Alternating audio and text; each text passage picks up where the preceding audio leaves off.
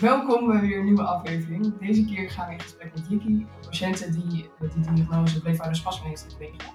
En met haar hebben we ook uitgenodigd de dokter van Egmond, een neuroloog die gespecialiseerd is in bewegingsstoornissen en werkzaam is in het expertisecentrum bewegingsstoornissen in het UMCG. Nou moet ik zeggen, Merit, bleefvarospasme deed bij mij niet meteen een beetje denken. Nee, bij mij hetzelfde. Nou, dus wij hebben zoals gewoonlijk weer even opgezocht wat houdt het nou precies in, zodat wij en ook de luisteraars daar wat van kunnen opsteken. Ja, en als we dan bleefvarospasme intikken in Google, dan komen we allereerst bij de dystonievereniging. Uh, dit zegt al wat over bleefvarospasme, want het is een vorm van dystonie. En later in de podcast zal ik worden uitgelegd wat dystonie nou precies is door dokter Van Egmond. En wanneer we de definitie lezen, dan staat er: bleefvarospasme betekent letterlijk ooglidsamentrekkingen. Het wordt gekarakteriseerd door het herhaaldelijk en onwillekeurig dichtknijpen van de oogleden ten gevolge van samentrekkingen van de ooglidspieren. Ja, dus het heeft niet zozeer iets te maken met je zicht, maar meer echt met je oogleden. Ja, dat klopt. De ogen doen het eigenlijk goed, maar omdat door spasmen de ooglidspieren zich aanspannen, kunnen mensen toch niet goed zien. Nee, dan gaan de ogen dicht. Ja. Al moeten we zeggen dat toen we Jikki eerst zagen, dat dat ons niet opviel. Dat je dat op dit moment eigenlijk helemaal niet meer aan haar kan zien. Maar hoe dat precies kan, dat zullen we zo van haar horen. Ik ben sinds 2014 bezig met dystonie. Dat blijkt dat ik achteraf dat begonnen is. En in 2015 heb ik de diagnose gekregen. Zouden we u graag willen vragen, want u gaf aan nou ja, dat u er toch nog best wel een behoorlijke periode heeft gezeten tussen dat u de diagnose heeft gehad of dat de klachten begonnen. Kunt u omschrijven, wat waren de eerste klachten die u merkte? Eh, de eerste klachten waren dat ik uh, merkte dat mijn ogen, de aansturing van mijn ogen, niet normaal was. Eerst snap je eigenlijk niet wat er gebeurt. Want kijk, normaal knipper je met je ogen van tijd tot tijd. En bij mij gebeurde dat veel vaker. Plus ook het feit dat ik af en toe het gevoel had dat ze gewoon dicht bleven zitten. En eh, meestal had ik daar last van als ik aan het werk was. Want dan eh, wordt er iets van je verwacht in. Je wilt ergens aan voldoen en dat kun je dan minder goed. En normaal waar je aansturing hebt over je lichaam, kon je dat toen niet. En zo merkte ik het op en toen dacht ik, nou, ach, ik zal wat oververmoeid zijn, want ik heb al een druk leven. Dus ik doe maar eens wat rustiger aan. En eh, geprobeerd, maar voor zover dat dan lukte, had dat geen effect. En toen ben ik toch maar eens naar de huisarts gegaan om te zeggen van, goh, dit en dat merk ik op. Ehm, ja, kunt u mij er eens mee helpen?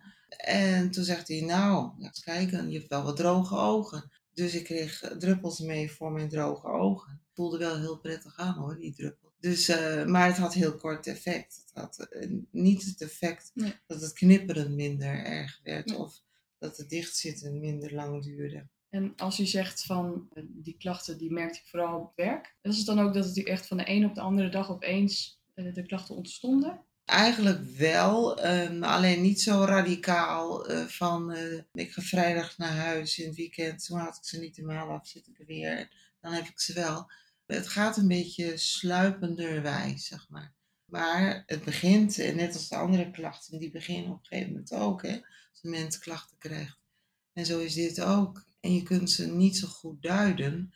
En daardoor zet je ze weg op een manier van, nou, ik heb het druk gehad, uh, bedenk allemaal dingetjes zoals het vaak gaat. Dan vraag je er ook geen aandacht voor. En maar op een gegeven moment gaat het je zo hinderen in je dagelijkse gang van zaken. Ja, dan kun je er niet meer onderuit dan moet je er wel wat mee. Nou ja, als je een baan hebt, ga je minder goed functioneren. Dan maakt het ook hè, dat je de stap zet naar uh, een huisarts, zeg maar. Ja, want wat voor werk doet u? Ik doe niet meer werk, ik werk niet meer. Maar ik heb wel gewerkt, ik heb in de zorg gewerkt. als dokterassistente, maar ook werkzaam in de thuiszorg. En ook viel ik wel eens in, in zorginstellingen. Kijk, als je, met, uh, als je het over dokterassistentenwerk hebt, je zit met de patiënt in de spreekkamer omdat je 24 uur bloeddrukmeting moet doen. Je zit voortdurend met je ogen te knipperen. Of ze zien aan jou dat je ogen raar doen, want dat ziet er raar uit. Je krijgt ze niet meer goed open. Dus dat valt mensen op. Dan krijgen ze geen vertrouwen meer in jou. En dat maakte mij ook wel een beetje onzeker. Van, oh, denken ze wel goed? Of, hè?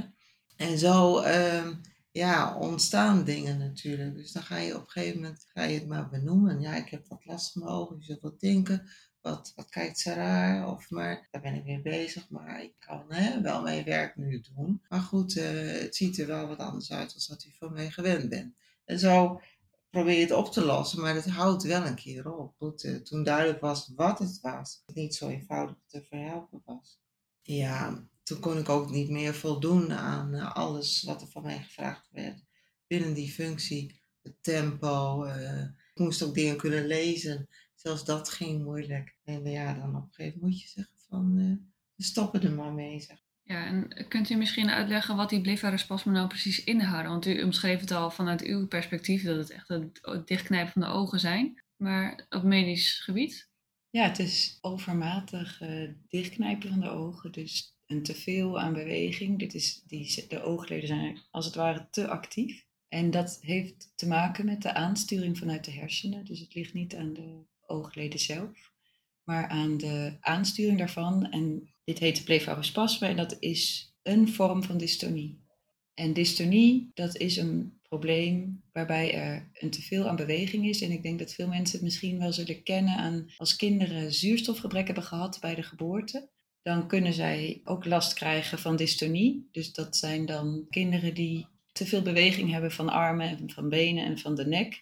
Uh, meer dan ze zelf willen, onwillekeurige bewegingen. En dat gaat bij de armen en de benen vaak gepaard met een standsafwijking. Dus dat bijvoorbeeld dat de pols gebogen is of uh, ja, dat de vingers niet, niet uh, in een normale stand staan. En je kunt ook dystonie hebben van de nek en dan gaat je nek de hele tijd opzij en steeds weer in dezelfde richting. En bij oogleden heb je natuurlijk eigenlijk maar één variant, namelijk die kunnen dicht. En dat gebeurt er dan bij dystonie van de oogleden. Dan gaan de ogen eigenlijk steeds, uh, steeds dicht, terwijl dat niet moet. En uiteindelijk was dat bij u zo dat u praktisch niks meer zag. En de ogen werkten goed, de ogen op zich, maar omdat de oogleden steeds dicht waren, kon u niet zien. Nee. Het is een vorm van dystonie die alleen op de oogleden zit. Dat noemen we focale dystonie. Als het op, alleen op één lichaamsdeel zit. En waar in de hersenen gaat het dan precies, die aansturing? Waar gaat dat mis? In de, ja, de diepe hersenkernen, dat heet uh, basale ganglia in, in medische termen. Dat is van oudsher waar, we, waar, waar gedacht werd, daar gaat het mis. En dat is nog steeds wel uh, een belangrijk onderdeel van. We weten nu dat het een netwerk is en dat er ook andere plekken in de hersenen zijn die kunnen leiden tot dystonie. Maar uh, een belangrijk onderdeel van dat netwerk zijn de basale ganglia. Dat is ook wel de diepe hersenkernen. Dus dat is een structuur eigenlijk in het midden van de hersenen. En dat zijn regelcentra. Die zorgen ervoor dat als je met een hand een kopje pakt, dat er niet te veel en niet te weinig beweging is. En dan gaat dat signaal gaat via die regelcentra midden in de hersenen. En bij dystonie gaat er op dat punt gaat er wat mis en ontstaat er een teveel aan beweging. En u vertelde net al dat het op een punt kan komen dat de patiënt ook helemaal niks meer kan zien. Herkent u dat?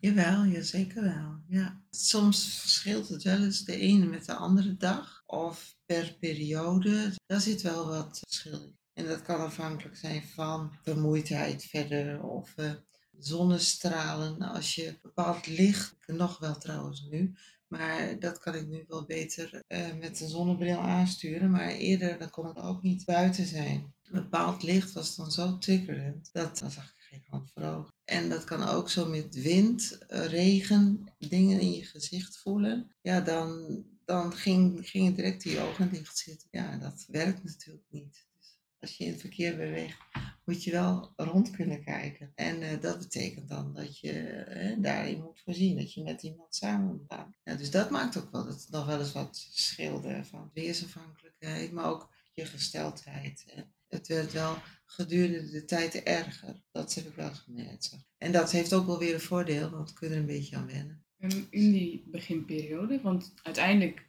heeft u besloten, ik moet hier toch voor naar de huisarts. Ja. Hoeveel last had u er dan op dat moment van op een dag? Was het dan dat u dat één keer per dag had? Of? Nee, eigenlijk de hele dag door, als ik sliep niet. Zoveel last dat het je te veel hindert in je hele welzijn. Je hebt dan ook gemerkt van het gaat met mijn oplossingen niet over. Je probeert altijd zelf oplossingen te vinden. En als het met mijn oplossingen niet over gaat, dan moet ik kijken of ik het ergens anders op kan lossen of zo. En dan stap je anders. Ja, ja, want dat was uw eigen oplossingen waren eigenlijk die rust en proberen wat Ja. rustiger aan te doen, maar dat hielp dus eigenlijk. Nee, nee, klopt. Nee. En wat zei de huisarts toen, toen u daar kwam? Ja, die, eh, ja, wat ik vertelde van, eh, ik kreeg druppels voor droge ogen en die kende het ook niet. Dat gaf die op een gegeven moment ook aan. In eerste instantie niet, eh, maar toen wist ze ook niet wat, eh, wat er natuurlijk aan was zoeken. En eh, toen dacht hij, dat is met droge ogen opgelost. Ik denk ook wel dat dat een factor was die wel wat meespeelde. Want het voelde heel aangenaam als ik die druppels gebruikte. Maar het had ook weer te maken met dat er zoveel irritatie ontstaat. Als je voortdurend knippert en, en ze stijf dicht hebt. Maar de, huisarts die eh, gaf uiteindelijk ook aan, toen ik vroeg om naar de oogarts te gaan, omdat de druppels niet hielpen, dat hij wel bereid was om mij door te verwijzen. Omdat hij ook wel zag dat het eh, ja, wel iets was wat niet normaal was. En eh, nou ja, de, oogarts en de oogarts die zei van, nou, ik denk dat je het in de hoek van de neurologie moet zoeken. Want jouw ogen zijn eigenlijk prima. Die functioneerden goed. Ja, ik had wel een leesbril nodig, zo langzamerhand. Dus dat natuurlijk wel, maar dat heeft iedereen, bijna iedereen. Dat is normaal. Die zei wel, ik kan het niet oplossen. Toen dacht ik, nou gaan we vragen de huisarts om naar de neuroloog doorverwezen te worden. Ja. Ja. want hoe ging dat? Hoe bracht de neuroloog de diagnose? Ja, dat, dat was wel eh, heel direct. Ik zat volgens mij nog niet eens op de stoel. Toen zei hij van, oh, je hebt eh, dystonie, blefarospasme.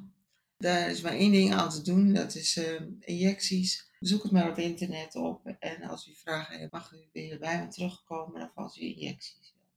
En dat was het. En ja, nou ja, goed. Ik ben dan wel wat thuis in de gezondheidszorg. Dus ik ben, had van tevoren ook al gezocht. Maar daarna ben ik natuurlijk wat gerichter gaan zoeken. Toen ben ik ook wel uh, daarover aan na gaan denken, wil ik wel of niet injecties. Ik vond het wel uh, onprettig, laat ik het zo zeggen. Ook omdat het effect dat het met je leven doet, zeg, daar is geen woord over gesproken. En het lijkt ook wel dat daar niet aan gedacht wordt. Hè?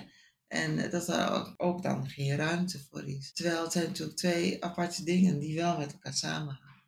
He, van wat, wat je met je lichaam hebt, wat niet goed functioneert, dat heeft ook effect op je hele welzijn. Ja, om daarover een gesprekje te kunnen voeren en misschien wat tips of advies in welke richting je wat moet doen, zou wel mooi zijn. Ja, dat mist en, u. Ja, zeker. Dat vind ik wel een manco ja, ik denk ook wel dat daar nog wel een slag in valt te slaan. Wie dat dan zou kunnen doen, dat uh, nou, zou misschien ook wel kunnen met iemand die zelf aandoening heeft. Hè? Uh, die is natuurlijk niet een, deskundige in die zin van uh, op medisch gebied, maar die weet wel een heleboel qua verleving. Zeg misschien wel meer als iemand die het niet heeft. Wat ik wel gelijk heb gedaan, is dat ik me aangesloten heb bij de patiëntenvereniging. Want eigenlijk is van een heleboel dingen wel een patiëntenvereniging. Toen heb ik het hier ook opgezocht en toen heb ik me wel gelijk lid gemaakt. En ik weet wel, de eerste tonus, zo heet dat blad, wat ik kreeg, was eigenlijk een soort met, weet je, nou, familiegroet of zo. Je krijgt een soort blad en er staat ervaringen in van allemaal mensen die iets hebben wat lijkt op wat jij hebt. En er is verder in jouw nabije omgeving niemand die je kent die dat heeft. Dus eigenlijk voel je je wel een beetje alleen daarin, hè, zonder dramatisch te doen. Mensen zijn best wel geïnteresseerd, die vragen ook wel hoe gaat het met je. Maar het is heel moeilijk voor ze om te snappen. Dat, dat begrijp ik ook wel. En het is ook wel lastig om uit te leggen aan een ander, wat heb je nu? Want ze zien jou en dan zien ze dat er iets apart is en ze kunnen het niet helemaal plaatsen. En komt natuurlijk niet zoveel voor. Als je diabetes hebt of astmatisch bent, hè, dan weten een heleboel mensen al veel meer wat daar verder omheen zit. En dit is vaak zeggen ze dyscalculie of allemaal andere woorden met dissen voor. En dan zeg ik nee, dystonie. Oh, gehoord. Dat is dan iets wat niet zoveel op de picture staat. Maar goed, zo'n patiëntenvereniging die lobbyt, die timmert dan de weg. Dat vind ik heel positief. Dus die steun ik daar ook wel in. Ik merk ook wel dat een, het UMCG hier uh, ook dat doet. Uh, ook patiëntendag en een heleboel dingen aan het ontwikkelen is. En ik weet ook dat er veel minder subsidies gaan naar deze ziektes hè, voor onderzoek, omdat het gewoon een minder voorkomende ziekte is. Dus dat heeft ook minder effect op uh, de winst in de gezondheidszorg te behalen. Dat is toch vaak wel waar je naartoe wil. Dus er wordt niet zoveel onderzoek gedaan op dit gebied. Dan is het alleen maar mooi dat er op een andere manier, hè, dit gesprek ook, het bekendheid komt in ieder geval. En dan, als ik u zo hoor, met name over hoe het nou is om dystonie te hebben. En wat nou de invloed is. Ja. Kunt u daar misschien wat meer over toelichten? Ja, ik denk dat er twee dingen zijn. Het is ook het uh, medische gedeelte van oorzaken, het sneller herkennen, herkennen. Dus dat heeft ook effect. Dan kom je op het andere wat je zegt, dat niet zozeer medische. Komt dan meer op het psychisch gezonde functioneren van iemand. Ja, als jij iets krijgt wat niet overgaat en wat invaliderend werkt, dan uh, moet je je leven aanpassen. En ja, dat heeft tijd nodig. Daarvoor uh, moet je realiseren wat er aan de hand is. Daarvoor is eerst een diagnose nodig en herkenning. En daarmee komt ook erkenning opgaan. En van jouw omgeving en ook van jezelf. En dat is gewoon een proces. Maar het helpt wel als jouw omgeving meegenomen wordt daarin. En ja, ik heb een gezin. Ja, dat is natuurlijk ook iets van uit kunnen leggen waarom je minder kunt, minder snel of meer hulp nodig hebt bij bepaalde dingen. Meer als een Ja, en dan kun je uitleggen van waarom dat is dan ja, ontstaat er een beetje leven met elkaar. En dat vormt zich wel, dat heeft ook tijd nodig, maar dat vormt, zich wel. En dat is natuurlijk in een, begint in een gezin en dat, dat moet je ook naar buiten toe dragen, ook naar je omgeving. En als je het hebt over, als je een baan hebt, ja, ik ben hem kwijtgeraakt. Je hebt het dan volgens de UWV over, men beoordeelt dat op normen van je eigen inkomen terug kunt verdienen met bepaalde werkaanbod. En daarmee zoveelste van je salaris kunt terugverdienen. Dan heb je wel of niet recht op een uitkering. Ja, nou ja, goed. Dat is dan zo in de wetten en de regeltjes vastgelegd. Ik hou er nooit zo van. Ik heb meer zoiets van, laten we gewoon kijken wat iemand kan en wel of niet kan. En het is natuurlijk wel zo, de ene dag is niet de andere voor mij. En dat zal ook zo blijven. Dat maakt wel dat het minder aantrekkelijk wordt voor de werkgever om mij aan te nemen. Ja, ik niet gezegd dat ik niks meer kan. Maar ja, ik weet zeker dat ik langer over doe. Ik weet zeker eh, als ik bijgeschoold moet worden, dat het duurt langer voordat ik uh, iets in me opneem. Ik heb, ja, dat komt ook omdat ik een herseninfarct heb gehad. Maar in ieder geval, dus alles werkt bij mij wat vertraagd. Goed, ik kan nog wel een heleboel. Ja, als de omgeving zich aan kan passen aan mij, en ik ook een beetje aan hun gewoon wel een heel eind, hè? Ja. Maar goed, dat is in onze samenleving denk ik nog wel een een hooggeschreven ideaal. Daarmee ga ik niet meer mijn inkomen verwerken. En dat geeft mij ook wel rust om te denken, ja, ik heb wel inkomen nodig. En op deze manier, ik heb altijd heel veel jaren gewerkt. Ik heb heel hard gewerkt. Maar ik hoef me niet druk te maken over dat ik niet uh, mijn levensstandaard op kan houden. Gewoon, hè, mijn huur en alles kan ik betalen. En voor de rest uh, hoef ik niemand tot last te zijn. En voor de rest moet ik mijn leven in gaan richten op een zin, voor mij zinvolle wijze. En eh, werk is natuurlijk zinvol, maar er zijn meer zinvolle dingen. Het geeft ook wel een stukje vrijheid dat je denkt, oké, hoe ga ik dat dan inzetten? Ja, dus eigenlijk heeft u al heel veel aanpassingen gedaan aan uw leven. Nou ja, niet vrijwillig, maar wel uiteindelijk op die manier toch wel weer zinvol gemaakt. Ja. Ja. En als we dan nog weer een stukje teruggaan naar het punt dat u dus bij de neuroloog kwam en ja. kreeg dus de diagnose te horen. En dat er een optie was qua behandeling. Dat heeft hij toen gedaan. Nou, ik had wel heel graag gewild dat dat gelukt was. Kijk, want ja, ieder mens wil gewoon tussen haakjes zijn. Ja, dan was dat probleem wat bij mij heel zichtbaar was, was opgelost voor een ander. Die zag niks meer aan mij totdat de injecties uitgewerkt zouden zijn. Ik kwam het alweer terug, maar goed, nou, daar moest ik dan over nadenken hoe we dat dan maar ja, dat is natuurlijk wat je in beginsel wil. Je slaat de gebaande weg in, hè, die er aangereikt wordt. En uh, in Meppel lukte dat toen niet. Dat gaven ze ook wel aan. Ze hebben wel geprobeerd. Maar de professie op dit gebied was niet zo uitgebreid. Hier is een hele afdeling. Meer met mensen die specialistisch zijn. En uh, dat is daar gewoon niet. En uh, dus ik ben blij dat ik daar gebruik van heb kunnen maken ja, uh, achteraf was het zeer zinvol, omdat ik natuurlijk die injecties bij mij niet voldoende tot niks deden. Nou, dan moet je wel kijken, is er dan nog wel iets wat kan helpen? Dan, het is niet vingerknippen opgelost. Je moet flexibel zijn, geduld, ja, ruimte maken bij jezelf. Voor oplossingen, waar kan ik ze zelf vinden, waar zijn die bronnen? Overal zijn regels, daar, gaat, daar ben je natuurlijk onderhevig aan. Maar eigenlijk werkt het dus voor u niet, de nee, injecties? injecties, nee, Nee. nee.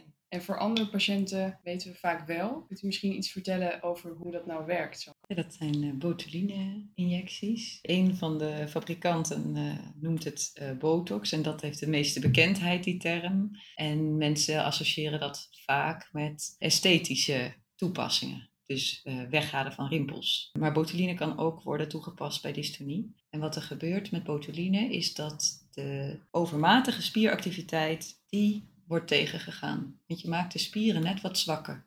Je maakt de spieren niet zo zwak dat het helemaal niet meer werkt, maar je zorgt wel dat die overactiviteit wordt tegengegaan. En bijzonder van botuline is dat het tijdelijk werkt. Dus mensen die moeten die injecties elke drie maanden ongeveer herhalen. Gemiddeld voor de meeste mensen geldt drie maanden. Ik weet dat een groot deel van de mensen met focale dystonie, dus als de dystonie eh, beperkt is tot een deel van het lichaam, eh, een deel van de mensen heeft heel veel baat daarbij. Groot deel. Ook toen de, nou dat merkten we bijvoorbeeld toen de COVID toesloeg voor het allereerst en bijna niemand meer naar het ziekenhuis eh, mocht komen.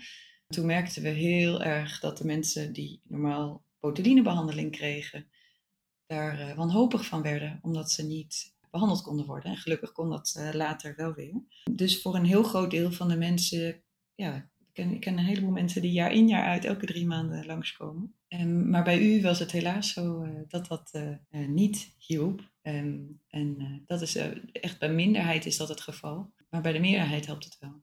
Ik, ik vind dat u de dingen heel mooi zegt over de herkenning en erkenning van dystonie. En ik denk dat het belangrijk is dat te noemen hier dat het een ontzettend zeldzame aandoening is. En degene die mij heeft opgeleid binnen de bewegingsstoornissen, dat is hoogleraar Marina de Koning, die zei, uh, als titel van haar oratie zei ze, je ziet het pas als je het herkent. Dat is vrij naar Johan Cruijff.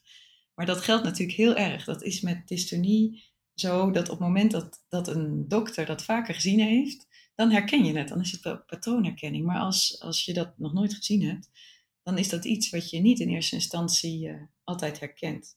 En ik denk dat het heel goed is dat er uh, aandacht ook is voor deze zeldzame aandoeningen. Dat er steeds meer bekendheid aan wordt gegeven. En daar doet de dystonievereniging, die u ook al noemde, ja, ook goed werk in. Maar dat maakt wel dat veel patiënten, dat het toch vaak een zoektocht ook is, uh, zoektocht naar de diagnose.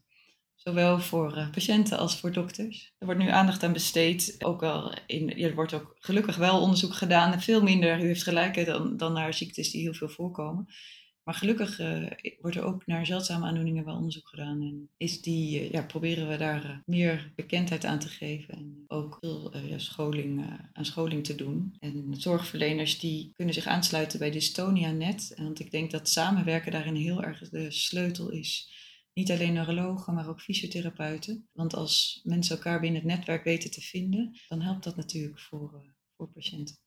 En hoe kunnen artsen of zorgverleners de blefarospasme herkennen? Nou, alleen al het gegeven natuurlijk. Ik denk dat het goed is dat het in de opleiding eh, naar voren komt. De dystonie komt wel, denk ik, wat aan de orde. Maar ook ja, binnen bijvoorbeeld de huisartsgeneeskunde is het echt heel zeldzaam. Ik weet dat ik in mijn opleiding tot neuroloog, en die duurt zes jaar, heb ik slechts een paar mensen ontmoet met uh, blefarospasme. Dus dan kun je nagaan, dat is natuurlijk al een geselecteerde groep mensen. En ik denk dat voor geneeskundestudenten ja, heel belangrijk is, in ieder geval is dat, is dat natuurlijk ook wel gebeurd. Op een gegeven moment bleek, vaak komen mensen eerst bij de oogarts. En als dan blijkt dat de oogfunctie goed is, dat het dan dus gaat om een bewegingsstoornis. En voor geneeskundestudenten geldt dus als iemand te vaak knippert, dat het goed is om hier aan te denken. En uh, Google helpt soms ook. Dat is best goed, ook voor, voor mensen, die, uh, voor patiënten, om het te googlen. Soms komen mensen al op het spreekuur met de diagnose. En dan is het goed om daarna te luisteren. Want uh, ja, te veel oogknipperen, als je dat googelt, dan kom je toch ook al een heel eind. En het is niet zo dat ik altijd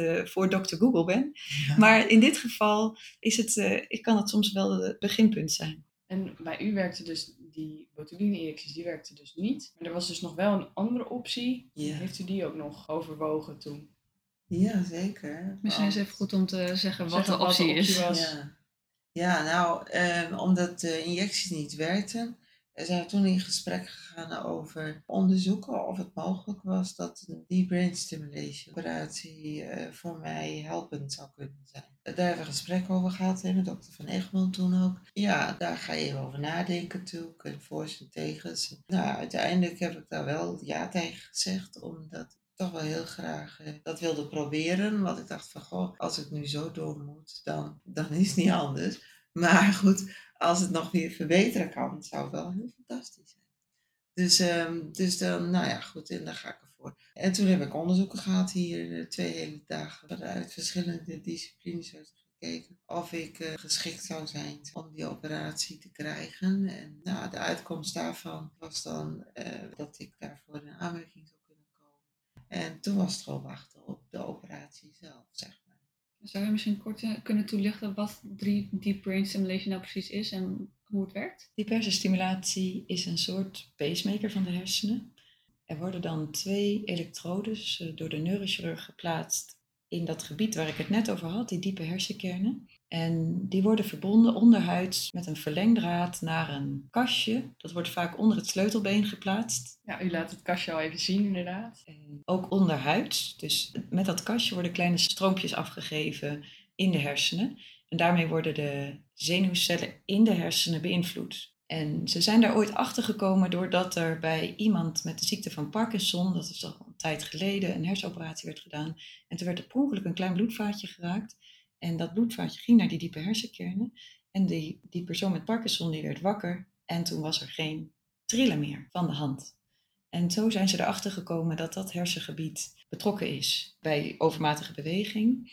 En eerst werd er altijd zo'n klein stukje van de hersenen beschadigd. Dat was toen de behandeling. En later werd het systeem verder ontwikkeld en bleek dat je met hele kleine stroomstootjes het ook al uh, kon beïnvloeden, die zenuwcellen daar. En een belangrijk verschil met een pacemaker, een pacemaker zet je aan en dan werkt die. En bij diepe hersenstimulatie is het zo dat je verschillende instellingen kan hebben van die elektrodes. En vaak is het zoeken naar de goede instelling. En daar gaat best een tijd overheen. Maar daar is zeker een, eh, een deel van de mensen eh, die dystonie hebben, die niet op een andere manier behandeld kan worden. Dus bij wie medicijnen en botuline niet genoeg helpen, uh, is een deel van de mensen daar echt bij gebaat. En als ik het goed begrijp, dan heeft hij dus de keuze gemaakt om die deep brain stimulation te ondergaan. Ja, klopt. Ja, en ik ben er achteraf ook heel blij mee. Wat merkt u dan? Merkt u het toen meteen, zodra Nee, de eerste drie maanden uh, was het eigenlijk een ramp. Was het ergste voor. Maar goed, ja, dat is het net wat dokter Van Egmond zegt. Het heeft tijd nodig om goed in te stellen. Nou, toen was er ook corona. Dus ik kon niet om de klipklap hierheen. En het is natuurlijk ook, je moet ook de tijd gunnen. Want je hersenen krijgen iets met iets te maken uh, waar ze op reageren. Dat zijn allemaal processen. Die hebben even tijd nodig om te kijken van waar kom je uit. En toen op een gegeven moment hebben we wel telefonisch contact met elkaar gehouden. Ik uh, heb thuis ook een, een beetje een, een soort kleine aansturing kan ik doen bijstelling van de instelling. En dat heb ik geprobeerd. En dat hielp al wel een beetje, maar niet voldoende. En toen kon ik zodra de mogelijkheid was om hier weer naartoe. Nou, ongeveer na drie maanden hebben we het opnieuw ingesteld. Ja, dat was echt fantastisch. Ja, waar ze hadden gezegd van 30% kans dat het verbetert, kan ik echt wel zeggen van 60 tot 65% zeker wel. Ja, nou dat is veel meer dan dat je denkt, dat je hoopt, dat je durft te hopen. Ja, dat geeft dat je veel meer regie weer op je leven kunt nemen op een manier die je daarvoor ook had natuurlijk. En ja, dat is wel heel fijn. En ja, goed, voor de rest, er zijn wel wat bijwerkingen. Daar heb ik ook wel last van.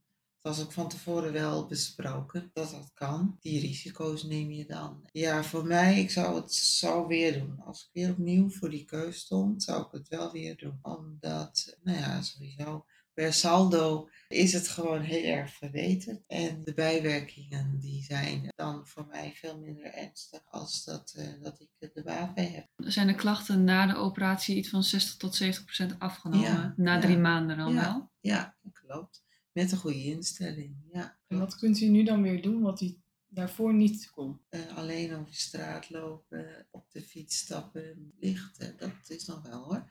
Maar goed, kleine stukjes autorijden waar op bekend gebied, uh, dicht bij de buurt, dat durf ik ook wel aan. Behalve als het heel veel zonlicht is. Maar goed, dat is, maar, dat is maar een klein gedeelte van het jaar, dus dat valt wel mee. En eh, thuis ook. Ik kan de krant weer lezen, hele artikels achter elkaar. En dat kon ik eerder niet.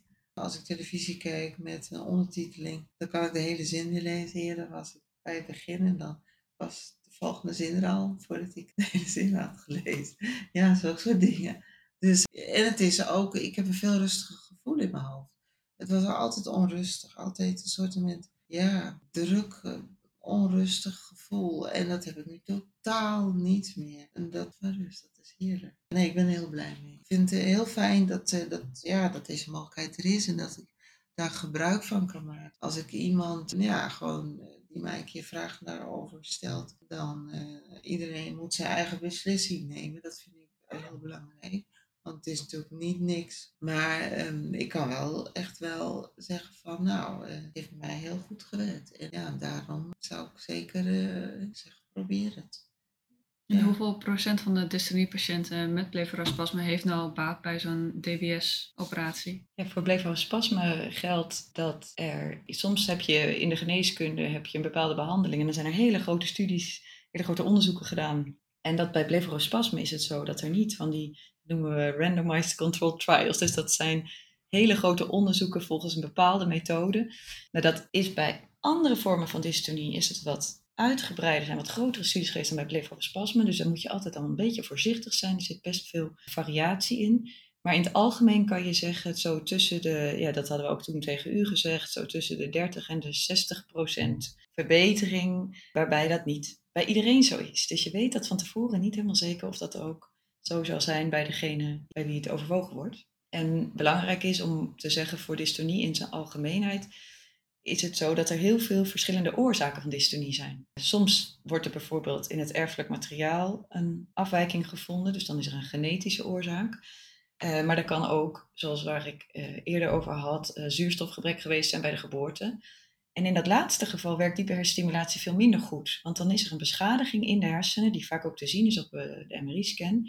En dan weten we dat die diepe hersenstimulatie veel, vaak, helaas, veel minder effect heeft. Terwijl als er op de MRI-scan geen afwijkingen worden gezien in dat gebied van de hersenen, dan is de kans vaak groter dat het helpt. En bij blefarospasme is het dus zo dat een, uh, ja, de, ik denk dat je kunt zeggen dat de meerderheid van de patiënten heeft er zeker baat bij. En dan is die range van verbetering ergens tussen de dus rond de 30 tot 40 procent gemiddeld, denk ik. Maar de variatie per persoon is groter. Dus het is altijd een zorgvuldige afweging. Daarom doen we dat hier ook met een heel team. U noemde het al, uh, dat u twee dagen allerlei verschillende zorgverleners had gesproken. Uh, want het gaat er heel erg om, ja, wat is de belangrijkste klacht? Hoe groot is dan de kans dat we denken dat die klacht kan verbeteren? En dat is per persoon verschillend. Dus dat, het is niet, helaas, niet voor iedereen met dystonie is het een geschikte behandeling. Maar voor een deel van de mensen met dystonie ja, kan het echt een heel groot verschil maken. En gelukkig uh, is het voor u ook heel uh, effectief ja, geweest. Zeker. U had het dan ook nog over bijwerkingen. Heeft u daar nu op dit moment ook nog last van? Jazeker, ja. Ja, en het kan wel zijn dat die bijwerkingen, als je weer wat bij gaat stellen, dat wel beter wordt. Maar goed, dat is altijd een afweging die je maakt. Als ik daar aan ga rommelen, wordt dan de hulp die ik ervan heb weer minder. Dus dat vind ik wel een beetje eng, moet ik zeggen. Goed, ja, ik heb last van um, de aansturing van mijn tong. En daardoor is spraak wat anders als normaal. En uh, ja, ik had daarvoor ook wel wat slikproblemen. En die heb ik eigenlijk uh, nog wel en die, die zijn niet minder geworden. En dat is ook wel uh, soms wel wat meer, denk ik. Maar goed, ik had ze daarvoor ook al. Dus of het specifiek van de DWS, want dat weet ik niet helemaal zeker. Maar ja, het heeft denk ik wel met de dystonie te maken. Ja. Maar ja, zingen, dat, uh, niet dat ik een zangeres ben, helemaal niet. Maar ik mocht ook graag zingen.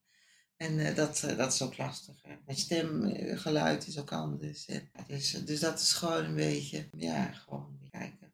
Dus met name uw spraak. Zijn er ja, andere dingen waar... Nou, ik heb wel gehad in het begin, voordat hij goed ingesteld werd, was ook de bewegingen waren gestoord. Maar ze hebben ook wel uitgelegd dat dat te maken kan komen met dat je natuurlijk, zit diep in de hersenen, dus komt gebieden, passeert gebieden met die elektroden die verantwoordelijk zijn voor andere functies, waaronder ook uh, bewegingsfuncties die stoornissen in de, als Parkinson kunnen veroorzaken. En dan kan het soms zijn dat je bewegingsstoornissen krijgt, à la Parkinson, terwijl je dat niet hebt. Maar dan, doordat die pulsen gewoon dan ook dat gebied passeren en toch daar wat veroorzaken, wat dan minder gewenst is. En ook dat zou je misschien bij kunnen stellen. Daar heb ik ook mogelijk wel wat last van. Kijk, ik ben geen professional op dat gebied. Ik kan een ander beter beoordelen, maar ik voel me wel stijver. Maar goed, ja, dat is gewoon met elkaar zoeken. Dat, maar kun je altijd over praten. Dat, ja, hoeveel last heb ik ervan? Hoe verhoudt dat zich tot wanneer doe je dit en wanneer doe je dat? Blijft een beetje pionieren, zeg maar. Dat, het is goed, dat is allemaal van tevoren gezegd. Dus dat is wel heel belangrijk, dat je van tevoren weet. Het is niet allemaal koekenij. En er vallen wel dingen uh, ja, die minder prettig blijven, of komen er misschien bij. Maar wat vind je het belangrijkst? En uh, wat heb je daarvoor over? En hoe zie je dat? In welke perspectief, zeg maar. En, uh, nou, dat heb ik voor mijn gevoel wel vrij goed kunnen doen. En zou ik misschien iets kunnen uitleggen over het proces van een patiënt en een arts om DBS te ondergaan? Want het lijkt me dan een heel proces met heel veel gesprekken over waarom je het wil doen en wat de bijwerkingen dan kunnen zijn. Ja, dat is inderdaad een heel, eh, heel traject. Vaak komen mensen eerst hier op de gespecialiseerde bewegingsstoornissen uh, polykliniek. En meestal hebben we elke maandag een bespreking en dan kijken we met het hele team naar de video's van mensen met bewegingsstoornissen. En dat is vaak de eerste stap waarbij we met, met elkaar als team denken, goh, is dit nou iemand die baat zou kunnen hebben bij die hersenstimulatie? En als we daarvan denken dat dat zo zou kunnen zijn, dan komen mensen bij mij op het spreekuur. En dan geven we uitleg over wat de behandeling inhoudt. Natuurlijk nadat ik uh, ook uh, diegene heb leren kennen en het verhaal heb gehoord. Want dat is heel belangrijk. wat, is dan, wat staat het meest op de voorgrond? Noemde ik net ook al. Want bijvoorbeeld dystonie van tong en mond uh, is veel moeilijker met diverse stimulatie te beïnvloeden dan uh, dystonie bijvoorbeeld van de ogen of van de handen. En als het dan zo is dat iemand na die uitleg uh, zegt: Ik wil graag verder in het traject, dan is de volgende stap dat we met een team van, nou, ik denk wel zeven, zeven verschillende zorgverleners fysiotherapie, ergotherapie, logopedie, revalidatiearts, een psychiater, neuropsycholoog, een verpleegkundig specialist uh, ja, en dan neuroloog. En logopedist, ja, dat is niet voor iedereen van toepassing, maar voor sommige mensen is ook het spreken en het slikken een, eh, een zorg. Uh, dus dan uh, kijkt ook de logopedist mee. En dat blijkt toch heel vaak nuttig, want dan kijken we ook op al die terreinen, zijn er misschien nog andere tips of adviezen waar mensen wat aan hebben. Met ook in het achterhoofd, ja, als die diepe hersenstimulatie niet nodig is, eh, dan, dan als er andere, andere wegen zijn die naar Rome leiden, dan, eh, dan is dat beter. En het gaat er ook om, eh, heeft iemand de draagkracht om zo'n operatie te ondergaan? En dat gaat dan om het lichamelijke deel, maar ook om het mentale deel, dus het psychische deel. Want stel nou dat het tegenvalt, het effect, dan moet iemand wel ook in staat zijn, de draagkracht hebben om daarmee om te gaan. En daar maken we ja, met het team een inschatting van. En kijken we hoe, iemand, hoe we iemand zo goed mogelijk daarin kunnen begeleiden. Vervolgens bespreken we het met, uh, met elkaar. En ook met de, met de neurochirurgen zijn er natuurlijk bij betrokken. En als er uh, dan de gedachte is, dit is iemand die daar echt baat bij kan hebben. We denken dat dit uh, een goede optie is. Dan is de volgende stap dat iemand op het spreekuur komt bij de neurochirurg. Daar wordt nog wat extra uitleg gegeven. En dan de operatie die vindt dan vaak, nou meestal ja, binnen een aantal maanden daarna plaats. Het hangt af van de wachtlijst, die wat wisselend is per periode. En, um, ja, bij de operatie gaat het zo, mensen worden meestal op een maandag opgenomen, op een dinsdag geopereerd en kunnen vaak op donderdag of vrijdag naar huis. Dus uh, is vaak ja, eigenlijk een midweek opname. Eerst staat de diverse stimulator nog uit en wat dan heel wonderlijk is, is dat het, uh, ik weet niet of dat bij u zo was, maar Vaak is het zo dat er dan tijdelijk ook al verbetering is van de dystonie. En dat noemen we het honeymoon effect, want het gaat weer weg. Daarom heet het het honeymoon effect. En daarna, na twee weken, stellen we dan stimulator in. Dus dan uh, stellen we dat kastje in, dan gaat de diverse stimulatie aan.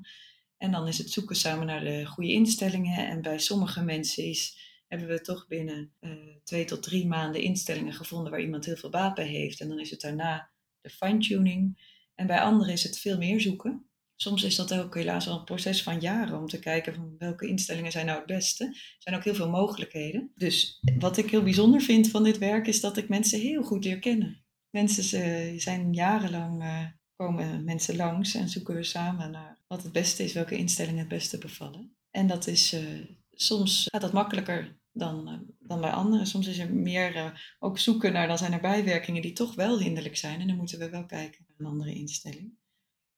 Maar bij de meerderheid van de patiënten is het zo dat ze er toch wel baat bij hebben onderaan de streep. Gelukkig. Ja, dat is natuurlijk ook heel belangrijk. Uh, ook voor de gezondheidszorg in het algemeen, omdat het ook een dure behandeling is. Maar in de eerste plaats voor mensen zo. En hoe gaat het nu met u? Nou, eigenlijk wel goed. de, nou ja, wat ik noemde, mijn voel wel dat uh, mijn lichaam uh, ja, stijver, alles bewegingsmogelijkheden zijn wat lastiger. Maar voor wat, betreft de bleefwaardigspasme, dat gaat eigenlijk heel goed. Ja, ja absoluut. Dus uh, ja, dat, dat is super fijn. 2020, oktober 2020 ben ik geholpen. Nou, januari is die bijgesteld. En ja, vanaf toen, zonder theatraal te willen zijn, zou je bijvoorbeeld zou ik nog wel de vlag uit kunnen halen. Ja, dat is zo ontzettend fijn dat je gewoon dingen weer goed kunt zien. Dat is wel heel fijn, zeg maar. Daar ben ik heel blij mee. Dus uh, dat ik, ja, ik, heb ook altijd zoiets van, nou, hè, als ik iets bij kan dragen aan, uh, op dit gebied, om iets uh, duidelijk te maken of van mijn eigen ervaring, op een andere manier de patiëntenvereniging ook provinciale meetings helpen organiseren, dat sinds kort dan ja, dan heel graag. Want ja, je kunt een beetje eigen ervaringen uh, ja, soms een ander helpen. Ik heb ook andere mensen mogen bellen toen die het al, wat al onderweg waren hiermee. Om toch een beetje uh, ja, te horen van oh, hoe is het voor jou? En dan neem je die ervaringen, beoordeel je ook. Hè? En leg je naast je eigen neer. En dat neem je toch wel mee. Ook met de operatie heb ik dat gedaan heb ik ook twee mensen gebeld die hem hadden ondergaan. En uh, nou, gewoon, ze zeiden allebei, uh, we zouden het zo weer doen. Het is niet allemaal roze wat, uh, wat het is, maar zeker als je alles tegenover elkaar zet, dan is het van doorslaggevend om het wel te doen. Dus wij zouden het ook weer doen. Nou, dat kan ik ook beamen. En ik weet ook uit verhalen van twee mensen, die hebben hem weg laten halen uiteindelijk. Want daar, dat werkte minder goed. Maar uh, ja, dat, dan heb je denk ik heel erg pech. Dat is heel sneu. Ja, U bent er dus eigenlijk heel actief mee bezig. Ja. Om ook ja, andere mensen te helpen. Ja, voor zover wij mogelijkheden uh, reiken. Ja. ja. Ik denk dat u eigenlijk al een heel compleet beeld heeft gegeven van hoe klachten tot stand kwamen en hoe goed u eigenlijk gebaat bent bij deze hersenstimulatie en ook bij de patiëntenvereniging en wat daarbij komt kijken. Ja, en de UMCG-afdeling uh, hiervoor. Ja, precies. Ja, dat is ook wel heel fijn. En wat zou je nu, als u ons als toekomstige artsen iets zou kunnen meegeven, wat zou je dan willen meegeven? Ja, eigenlijk sluit ik aan bij dokter Van Egmond van... Um, ja, om nou in mijn geval van bleefwaardigspasme, ja, gewoon aan dystonie, ja, aan bleefwaardigspasme te denken. Wanneer je iemand op het spreekuur krijgt, om welke reden dan ook, eh, maar met name met deze klachten ook, zeg maar. Hè. Als je nou huisarts bent of een andere arts wordt, maar dat moeten jullie nog uitzoeken misschien. Maar, uh, en ook eventueel collega-artsen. Ik weet nog, de bedrijfsarts die ik zag toen ik uit ja, ik, ik had twee banen eigenlijk naast elkaar. Ik stopte met de een, omdat ik daarvoor moest reizen. Dat lukte niet meer. En toen uh, moest ik natuurlijk bij hem op het spreken komen. En toen zegt hij, ach mevrouw, u bent een beetje overwerkt. Kom over 14 dagen maar terug. En dan is het wel over. En toen kwam ik over 14 dagen terug.